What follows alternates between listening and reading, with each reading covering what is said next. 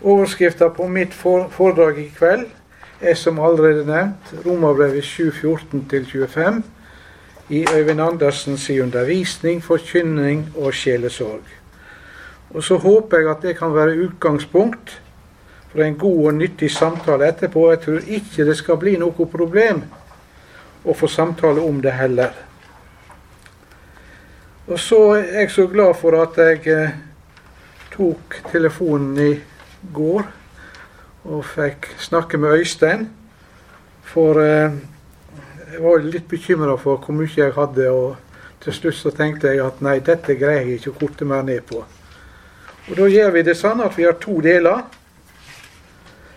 Og Første delen er litt mer bakgrunn og innleiing. og skal vi si, kanskje litt mer teoretisk, ikke i dårlig mening, men iallfall litt slike ting. Og del to, da kommer den, det er den oppbyggelige i hermetegn, oppbyggelige parten. For oppbyggelig så tenker ikke jeg på dette å få gode følelser og sånne ting. Og når vi leser fra Jeremias, så bruker han fire ting om å rive, fire ord om å rive ned, og to ord om å bygge opp. Og det er oppbyggelse. Så går du etter første delen, så har du egentlig ikke fått med deg noe i kveld. Men eh, det betyr ikke at dette som jeg nå sier er unødvendig eller ikke er nyttig, for det er det. Øyvind Andersen han var jo bibelskolelærer og misjonsskolelærer på Fjellhaug i 50 år i Oslo. Og Første gangen jeg møtte Øyvind Andersen, var i 1973. Og fram til han døde i 1994, så hadde jeg mye kontakt med han i disse 20 åra. Uten å gå i detaljer nå. Så vet sikkert flere at jeg har ei ganske stor samling av taler og bibeltimer og timer fra hans undervisning på Fjellhaug. Men jeg har aldri gått på Fjellhaug. Jeg bodde på studentheimen der ett år. Og Da prøvde jeg å samle like mye på det året som de bruker fire år på normalt. Og, med, og, det, er, og det er med det grunnlag jeg nå taler om i kveld. Det er med grunnlag i dette materialet jeg tar fram noe som nok ingen andre har gjort. Jeg kjenner iallfall ikke til at noen har vært inne på det. Nemlig forholdet mellom noe han skriver i forbindelse med dette bibelavsnittet, og det han sier munnlig i forkynning og undervisning om dette bibelavsnittet. Det vi har skriftlig i Romabrevet 7, 14-25, i hans to bøker, 'Grunnsannheter til frelse', den så, hadde ikke den framsida i 1970. Og eh, hans fortolkning i til romerbrevet i bibelverket. Dette er en ny kommentar, dvs. Si en ny opptrykk, for den gamle er gått i oppløsning. Så det, det, Da har jeg bare deler av den med meg rundt. Men sånn så han altså ut når han er ny. Og det han skriver, det vi har skriftlig her om Romerbrevet 7, 14-25 det er ikke helt i samsvar med det som kommer fram i hans undervisning, forkynning og sjelesorg. Og da tenker jeg først og fremst på hans undervisning i sjelesorg. Men før vi ser nærmere på det, så må vi ta oss tid til å lese Romerbrevet 7, 14-25. Nå har de fått et ark med bibelteksten med fire ulike omsetninger. Jeg leser nå fra Norsk bibel, Nynorsk 1994. Ja, takk.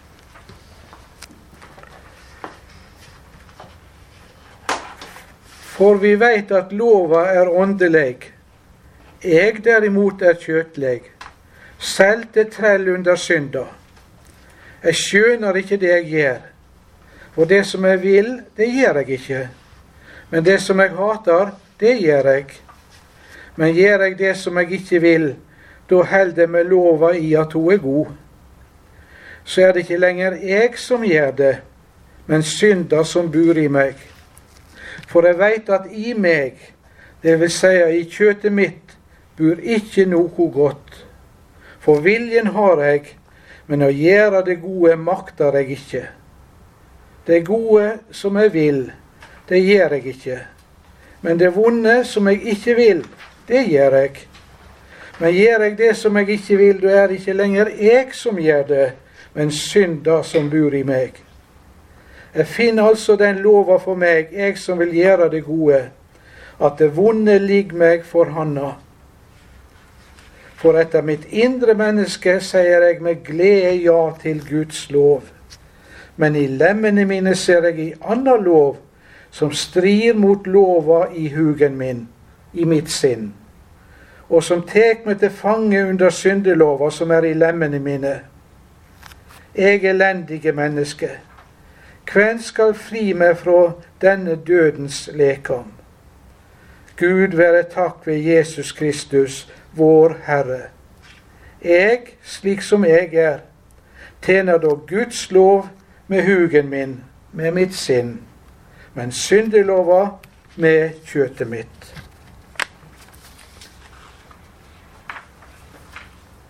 Den blinde sier Alt sammen som jeg har der i punkt to, er verdt å lese. Men det gir nok ingen hjelp til temaet i kveld. Så derfor går jeg straks videre til punkt tre. Øyvind Andersen som bibellærer. Ja, den blinde ser, som i undervisning og forkynning kunne lese lange bibelavsnitt utenat Blindeskrifta fungerte ikke for han, for da blir jeg sjøsjuk, sa han. Lange bibelavsnitt utenat. Slik var det jeg og mange andre møtte Øyvind Andersen. Han ble blind i 1965, men så seinere på tida etter at han ble blind, som den rikeste tida som bibellærer og forkynner. Og som bibellærer, enten det var i klasserommet eller han sto på talerstolen, så var det ei sak som gjaldt. Ønsket om og bønna om å få være en reiskap for Guds ord. At Guds ord fikk bruke han. Og Derfor hele tida dette spørsmålet fra hans munn. Hva står det skrevet? Punkt fire om å tolke Bibelen. Og hva skjer når det blir strid om hvordan Skrift er å forstå? Det må jeg altså pga. tida hoppe over. Punkt fem. Hva saka gjelder. Hva er dette for et kristenliv? Romerbrevet 7, 14-25 er et av de mest omstridte også et av de avsnittene som er flittigst behandla i Romerbrevet. Ja, kanskje i hele Det nye testamentet. Det er jo utrolig hvor mange slags meninger og tolkinger som har gjort seg gjeldende omkring dette avsnittet. Når en leser en del av det, det er nesten så en får lyst til å si se på hverandre og bli forvirra. Det saka gjelder nå, er to ting. Det ene er det er ikke først og fremst hvem dette jeg, dette jeg er, i Romerbrevet 7, 14-25. Det er ikke først og fremst hvem dette jeg er, altså om det er tale om en kristen eller ikke-kristen.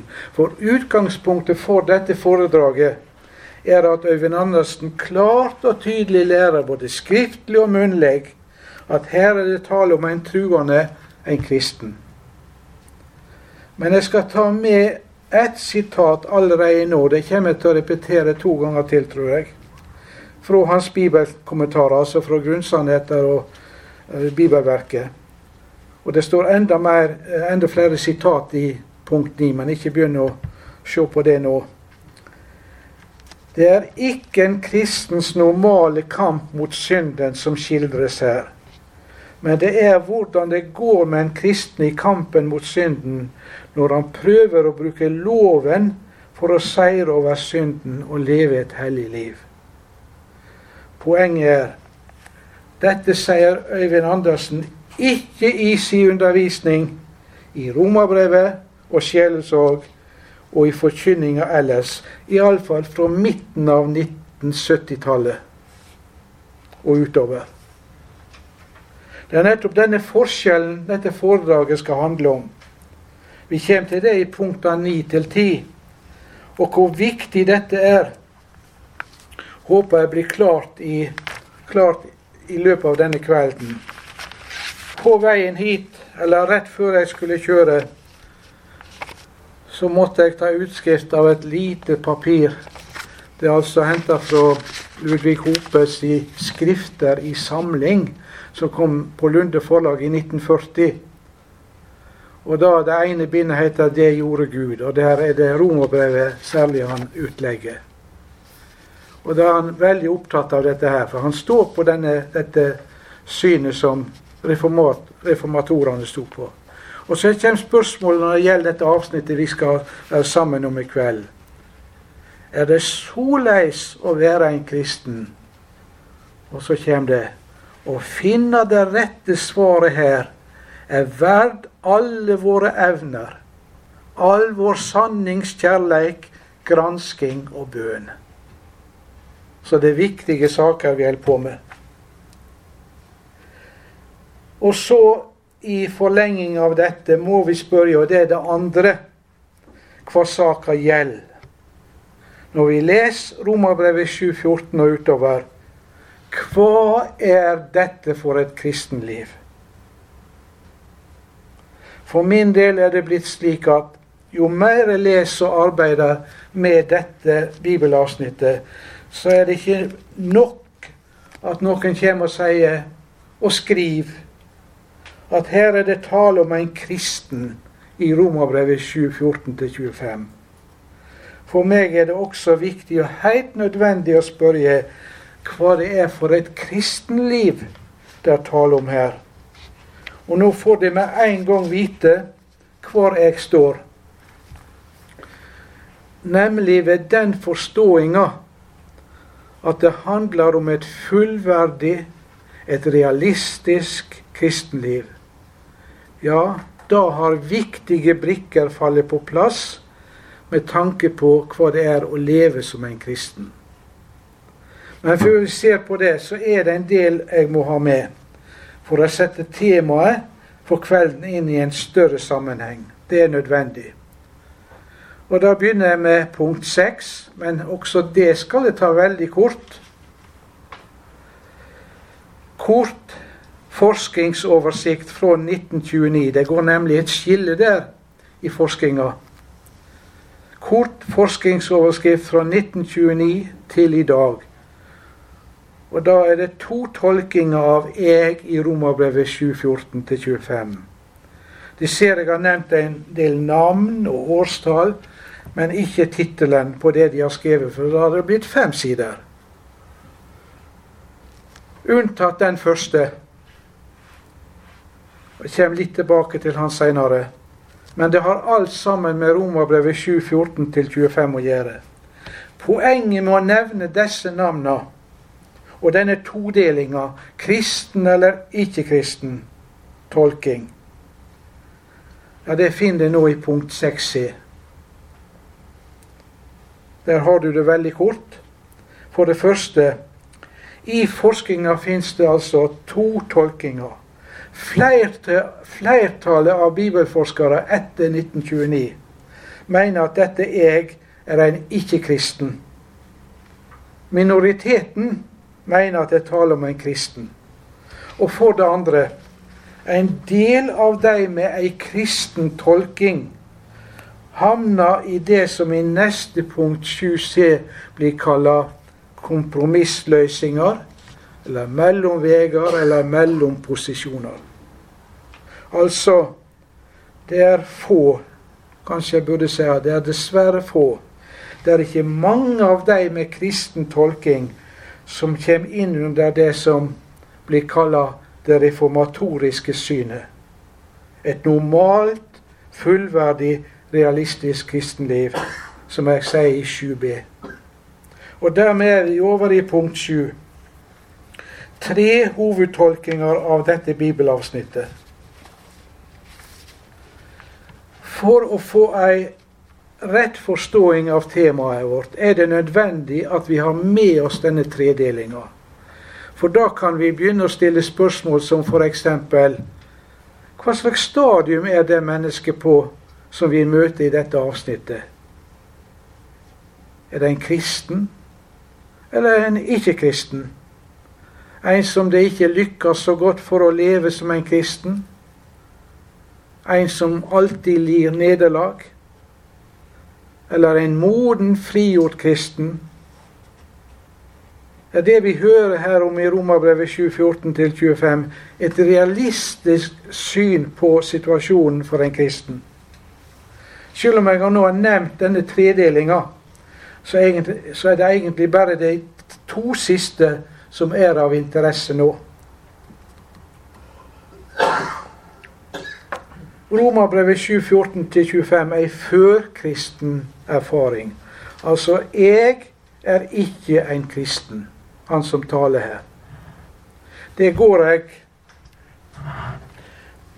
det går jeg altså ikke inn på nå, fordi det har ikke noe særlig betydning for dette foredraget om Øyvind Andersen. Det blir de to neste jeg vil si litt om. Først 7b. Et normalt kristenliv, et fullverdig, realistisk kristenliv. Det er den andre måten å forstå Romerbrevet 7 på. Den andre hovedtolkinga. Reformatorene med Luther i spissen hører hjemme her. Andre navn, f.eks. Rosenius, Ludvig Hope, Carl Fredrik Wisløff og en av de jeg nevner i punktet ovenfor, Olaf Moe, tidligere professor ved Menighetsfakultetet professor i Nytestamentet. Men det er Martin Luther som må få litt taletid nå. Nemlig pga. den påstand som jeg kommer med seinere, nøyaktig i punkt 10, der jeg sier at Øyvind Andersen står for det reformatoriske synet. For Luther er Romerbrevet 7.14-25 ei skildring av hvem et kristen menneske er. Luther formulerer jo, som dere vet, denne kjente satsen på latin at en kristen er samtidig simul justus et peccator. Han er samtidig rettferdig og synder. Og når Luther da formulerer seg på denne måten, så er Romerbrevet 7.14-25 helt sentralt i hans bibeltolking og tenking. Samtidig rettferdig og synder. Det er blitt kalla for Luther sitt totus homo-synspunkt. Totus homo. Hele mennesket. Innenfor Gud må en truende alltid bekjenne seg som en synder, og ingenting annet er enn en synder fortapt i seg sjøl. Det er ingenting hos oss som holder mål etter Guds lov når vi står for Guds ansikt. Men samme menneske blir fullt og helt rettferdiggjort for, ved, trua for Jesus skyld. Det står under Guds nåde, står med hele sin person under Guds kjærleik og er elska for Jesus skyld. Det er totus homo synspunktet.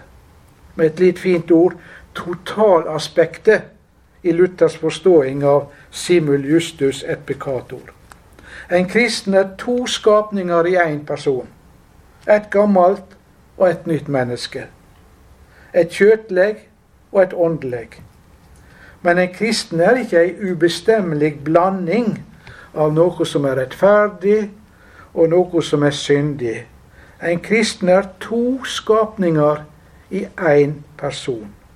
To vidt forskjellige størrelser. Det gamle og det nye mennesket på én gang i samme person. To mennesker i ett menneske. I denne spenninga mellom det gamle og det nye må en kristen finne seg i å leve. i Weimar-utgava av Luthers skrifter, bind 2.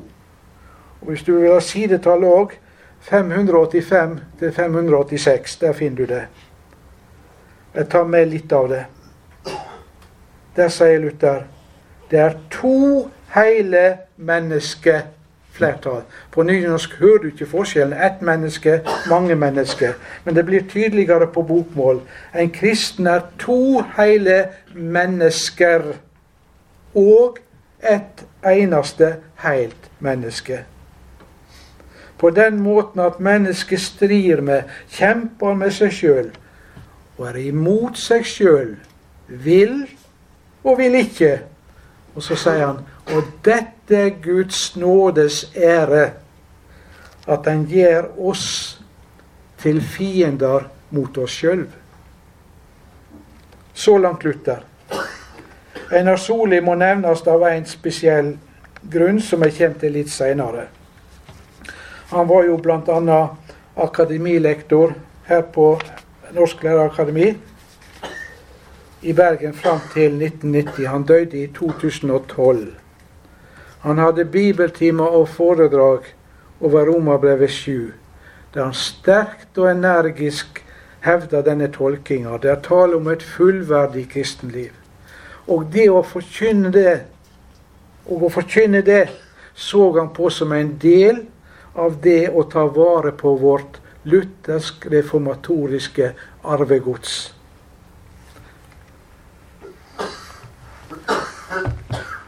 Vi kan gjerne si at dette er en del av den arven Einar Soli let etter seg.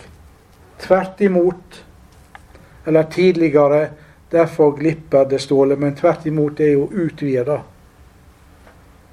Opprinnelig skrevet for ungdom, men den passer minst like godt for ungdommer i alle, alle aldre. Det er ikke tvil om. Her er noe av arven, arven etter Einar Soli, som han la så vind på skulle gå videre. Så 7C ulike kompromissløsninger, mellomveier, mellomposisjoner. Det er i en del tilfeller snakk om kompromissløsning mellom 7A og 7B. Men noen ganger så lurer jeg på hva slags, hva slags kompromiss er det tale om. Vel, de ser at jeg har en del formuleringer her. Jeg leser ikke alle, men det kan handle f.eks. om det første trinn i kristenlivet, eller en kristen som kjemper uten Den hellige. En av de som står i 6b, nevnt i 6b med kristen tolking, hevder altså det. Her møter vi en kristen som kjemper uten Den hellige ande eller et delbilde av en truende, nemlig når en truende faller i synd. Eller et menneske som ikke tilstrekkelig som ikke i tilstrekkelig omfang kjenner evangeliet og lar seg leie, lar seg lede av Den hellige ande. Og Der ser du at det står et navn i parentes. Frank Jacobsen, han kom i 1978 med den første bibelkommentaren til Romerbrevet i denne kjente Credo-kommentaren i Danmark. Nå er det kommet en ny en av en annen, i to bind. Han var tidligere dansk eh, Han er død nå, for noen år siden. Han var dansk prest og bibellærer, og en som virkelig forkynte evangeliet. Jeg las og hørte en god del av ham på 1970-tallet og 80-tallet. Han, han brant for evangeliet om Jesus. Men her i Romerbrevet 7 likevel Likevel. Eller det siste eller, da. At det ikke er en kristen sin normale kamp mot synda, men hvordan det går når en bruker lova i kampen mot synda. Altså Øyvind Andersen i sine to kommentarer, grunnsannheter og bibelverkskommentaren. Når det gjelder dette tredje synet, kompromissløsninga, en mellomvei, vil jeg også sitere litt fra studiebibelen Det nye testamentet. Og merke at det ikke er en omsetning, men det var jo dette store bibelverket 4000-5000 sider som kom, uh, som kom på slutten av 70-tallet. Og bind 5 kom i 1982, og det er jo et stort gresk-norsk leksikon på ca. 1000 sider. Jeg har hatt og har fremdeles stor glede av dette store bibelverket. Og dette er ikke det samme som tidligere norsk eh, hva det heter, norsk, illustrert norsk bibelleksikon. Det er ikke det samme, selv om det er mange av de samme som står bak der. Men studiebibelen, Nytestamentet, skriver om dette bibelavsnittet. Det står i bind 3. En kan si det slik at mannen i Romerbrevet 7 er altfor gudfryktig til å være en synder, og altfor bundet i synden til at han skulle leve et rett kristenliv. Og så grunngir de dette fram og tilbake, og så slutter grunngivinga med at det synes vel å peke i retning av at den tredje formildende omstendighet, som her er kalt en kompromissløsning, kan være den riktige oppfatning. Så langt studiebibelen.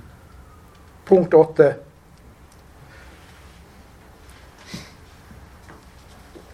Jeg må ikke tro jeg er ferdig så kort, selv om jeg kom til punkt åtte. For jeg skal bruke siste timen til punkt ti. Det er etter pausen, men det blir ikke så lenge som før pausen, da. Roma, Øyvind Andersen, Romerbrevet 7.14-25, ei kompromissløsning? spørsmålstegn. Einar Soli han nevner i et par bibelforedrag, så langt jeg vet, på 1990-tallet Øyvind Andersen sin gjennomgang i bibelverket som et eksempel på ei kompromissløsning. Og hva bygger han det på? Jo, han siterer det jeg allerede har lest nå i punkt 5b. Det er ikke en kristens normale kamp mot synden som skildres her, men det er hvordan det går med en kristen i kampen mot synden når han prøver å bruke loven for å seire over synden, og leve et hellig liv. Og nettopp det Einar Soli sa den gangen, en viktig grunn til at jeg har brukt tid på å undersøke om dette stemmer. Når Soli og studiebibelen Det nye testamentet viser til hva Øyvind Andersen skriftlig sier i bibelverkskommentaren angående dette avsnittet, og sier at det er ei kompromissløsning, så er nok det riktig ut fra det som står skrevet i kommentaren. Men det er ikke riktig at Øyvind Andersen lærte og forkynte dette munnlig. For det gjorde han nemlig ikke. Fra midten av 1970-tallet og utover og inn på 1980-tallet Han døde i 1994. Så er det ikke det som vi har skriftlig fra hans side, som vi møter i hans undervisning og forkynning og i hans sjelesorgundervisning. Da er han nemlig helt på linje med det reformatoriske syn, som jeg nevner i punkt 7b. Og han forkynner dette avsnittet til trøst, stor trøst for en kristen, nettopp i kampen mot synder. La oss se litt mer på det, punkt 9 og 10 som er delvis innom samtidig. Men nå blir det først og fremst punkt 9, da. I punkt 9 er det flere sitat fra grunnsannheter til frelse og fortolkning til romerbrevet i bibelverket. Jeg skal ikke lese alt det de finner på side 3 der. Det viktigste er utheva. Og det viktigste sitatet har jeg allerede lest to ganger. Og kanskje jeg tar det nå for tredje gang, da, så sitter punkt 9b. Det er ikke en kristens normale kamp mot synden som skildres her, men det er hvordan det går med en kristen i kampen mot synden, når han prøver å bruke loven for å seire over synden og leve et hellig liv. Jeg tar med litt til av det som uthever. Punkt 9 er når jeg selv prøver å sette det nye sinn i verk mot det gamle, bruker jeg, uten å forstå det selv, loven som min kraftkilde. Og punkt 9d, andre linja. Om vi prøver på det, går det oss på en måte som vi ikke kan skjønne. Det onde, det onde seirer, tross vår innerste lyst til å seire over det. Punkt H, ca. midt i. Jeg forstår ikke hvorfor jeg lider nederlag. Jeg ønsker intet høyere enn å vinne over min synd og leve som en kristen. Og så skal det gå så galt. Hva kommer det av? Jo, det kommer av at du bruker loven til hjelp for å leve som en kristen. Disse sitatene jeg nå har lest, er jo grunnen til at Einar Soli skriver at Øyvind Andersen står for ei kompromissløsing. Det er ikke det reformatoriske syn, slik som vi finner det hos Luther, sånn som jeg begynte, eller delte litt av til å begynne med. Det er ikke det som her kommer til uttrykk. Det som Øyvind skriver her, er ei forståing som faktisk bryter brodden av radikaliteten, selve radikaliteten i dette avsnittet. Og vel også i satsen 'rettferdig og synder'. Derfor brukte jeg litt tid på Luther tidligere i foredraget.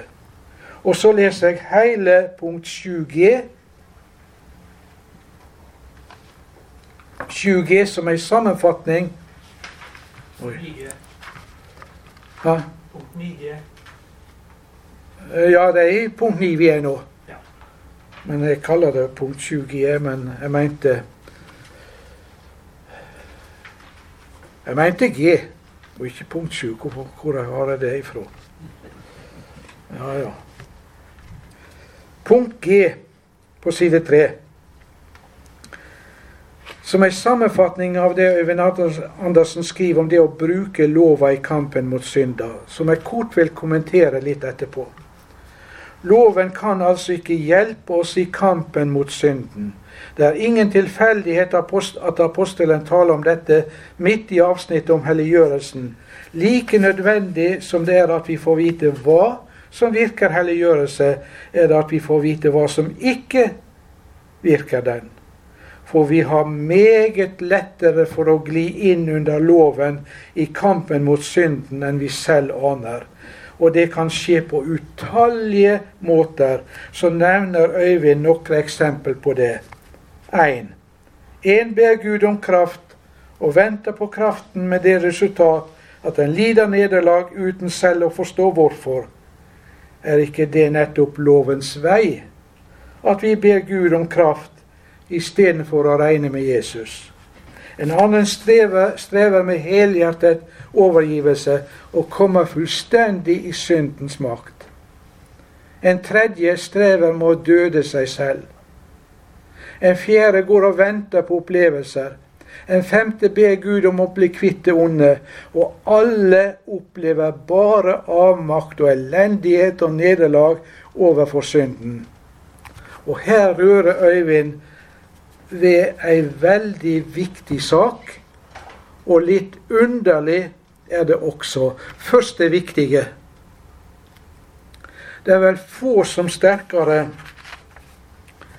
både skriftlig og munnlig, det er vel få som sterkere enn Øyvind forkynner hvor alvorlig det er å bruke lova som hjelp til å leve som en kristen. Og det er sannelig ei sanning som trengs i dag.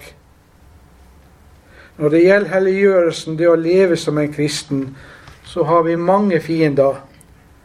Djevelen, vera, vårt eget kjøtt. Altså vår medfødte, syndige natur. Det er jo litt av et selskap vi er kommet i. Djevelen, vera og vårt eget kjøtt. Men som Carl Fredrik Wisløff skriver i sin preikelære, ordet fra Guds munn, ordet fra Guds munn.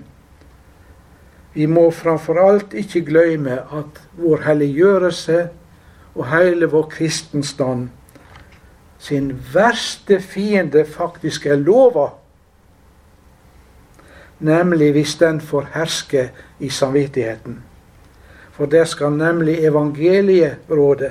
Dvs. Si, i mitt gudsforhold skal jeg ikke vite av noe annet enn den Herre Jesus Kristus og Han alene.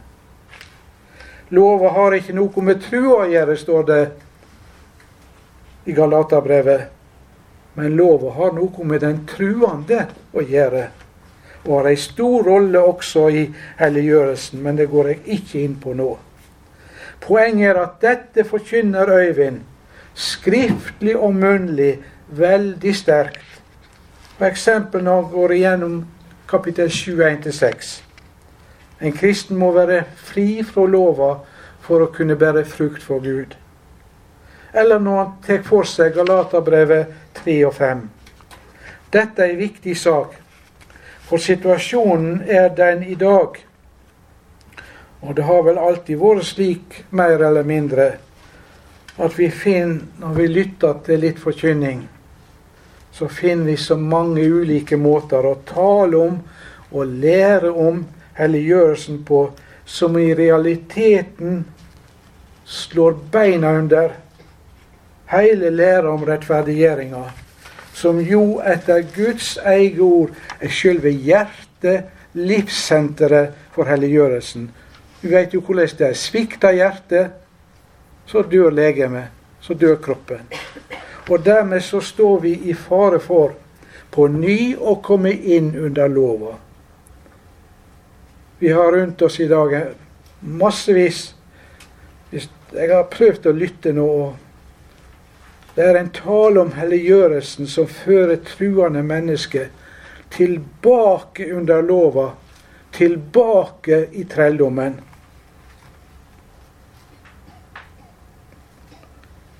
Øyvind Anders nevner av og til ordet utfordring. Han er så redd for alt dette maset som kommer til kristne mennesker i dag. Det er tale om alle slags utfordringer. Han sier det er som om hele verden skulle være full av utfordringer som vi kristne skal ta opp. Og det er ikke sant, sier han. Og det fører oss på avveie. Den som skal utrette noe for Herren, han må lære å sitte stille. Den som kan sitte stille, og Herrens ord kommer til han, han begynner nemlig å utrette noe. Så til det som jeg sa er litt underlig. Og det er veldig kort forklart i noen merknader til slutt i punkt 9, altså øverst på side 4. For det første Fortolkning til romerbrevet i Bibelverket 1972. Der skriver han bare kort det å bruke lova, lova i kampen mot synda. Han forklarer ikke det nærmere der. Men i grunnsannheter til frelse 1958 og alle senere opplag, der nevner han de ulike måtene en kan gli inn under lova på i kampen mot synda. Det er nå las i 9G for noen minutter siden. Og for det andre, enda mer underlig, de ulike måtene som en kan gli inn under lova på i kampen mot synda.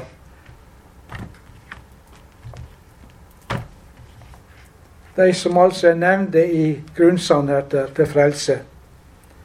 De er utførlig omtalt i romerbrevet i misjonskurset per brev kurs 9 fra 1939. Dette er så å si forløperen til grunnsannheter. Og der er disse, disse tinga det, det, har fått overskrifta 'Avveier i helliggjørelseskampen'. Flere sider. Og da kommer dette ikke i samband med Romerbrevet 7.14-25. Da skjer det i samband med Romerbrevet kapittel 6. Og det mest underlige, det blir det tredje. Det mest underlige for meg, og som jeg ikke har funnet svar på Jeg tenker hele tida på Hvorfor snakker du ikke med Øyvind om dette? Da var jeg yngre. Som han sa en, jeg har vært ung, jeg òg. Yngre enn de fleste. Men eh, Hvorfor snakker jeg ikke med han?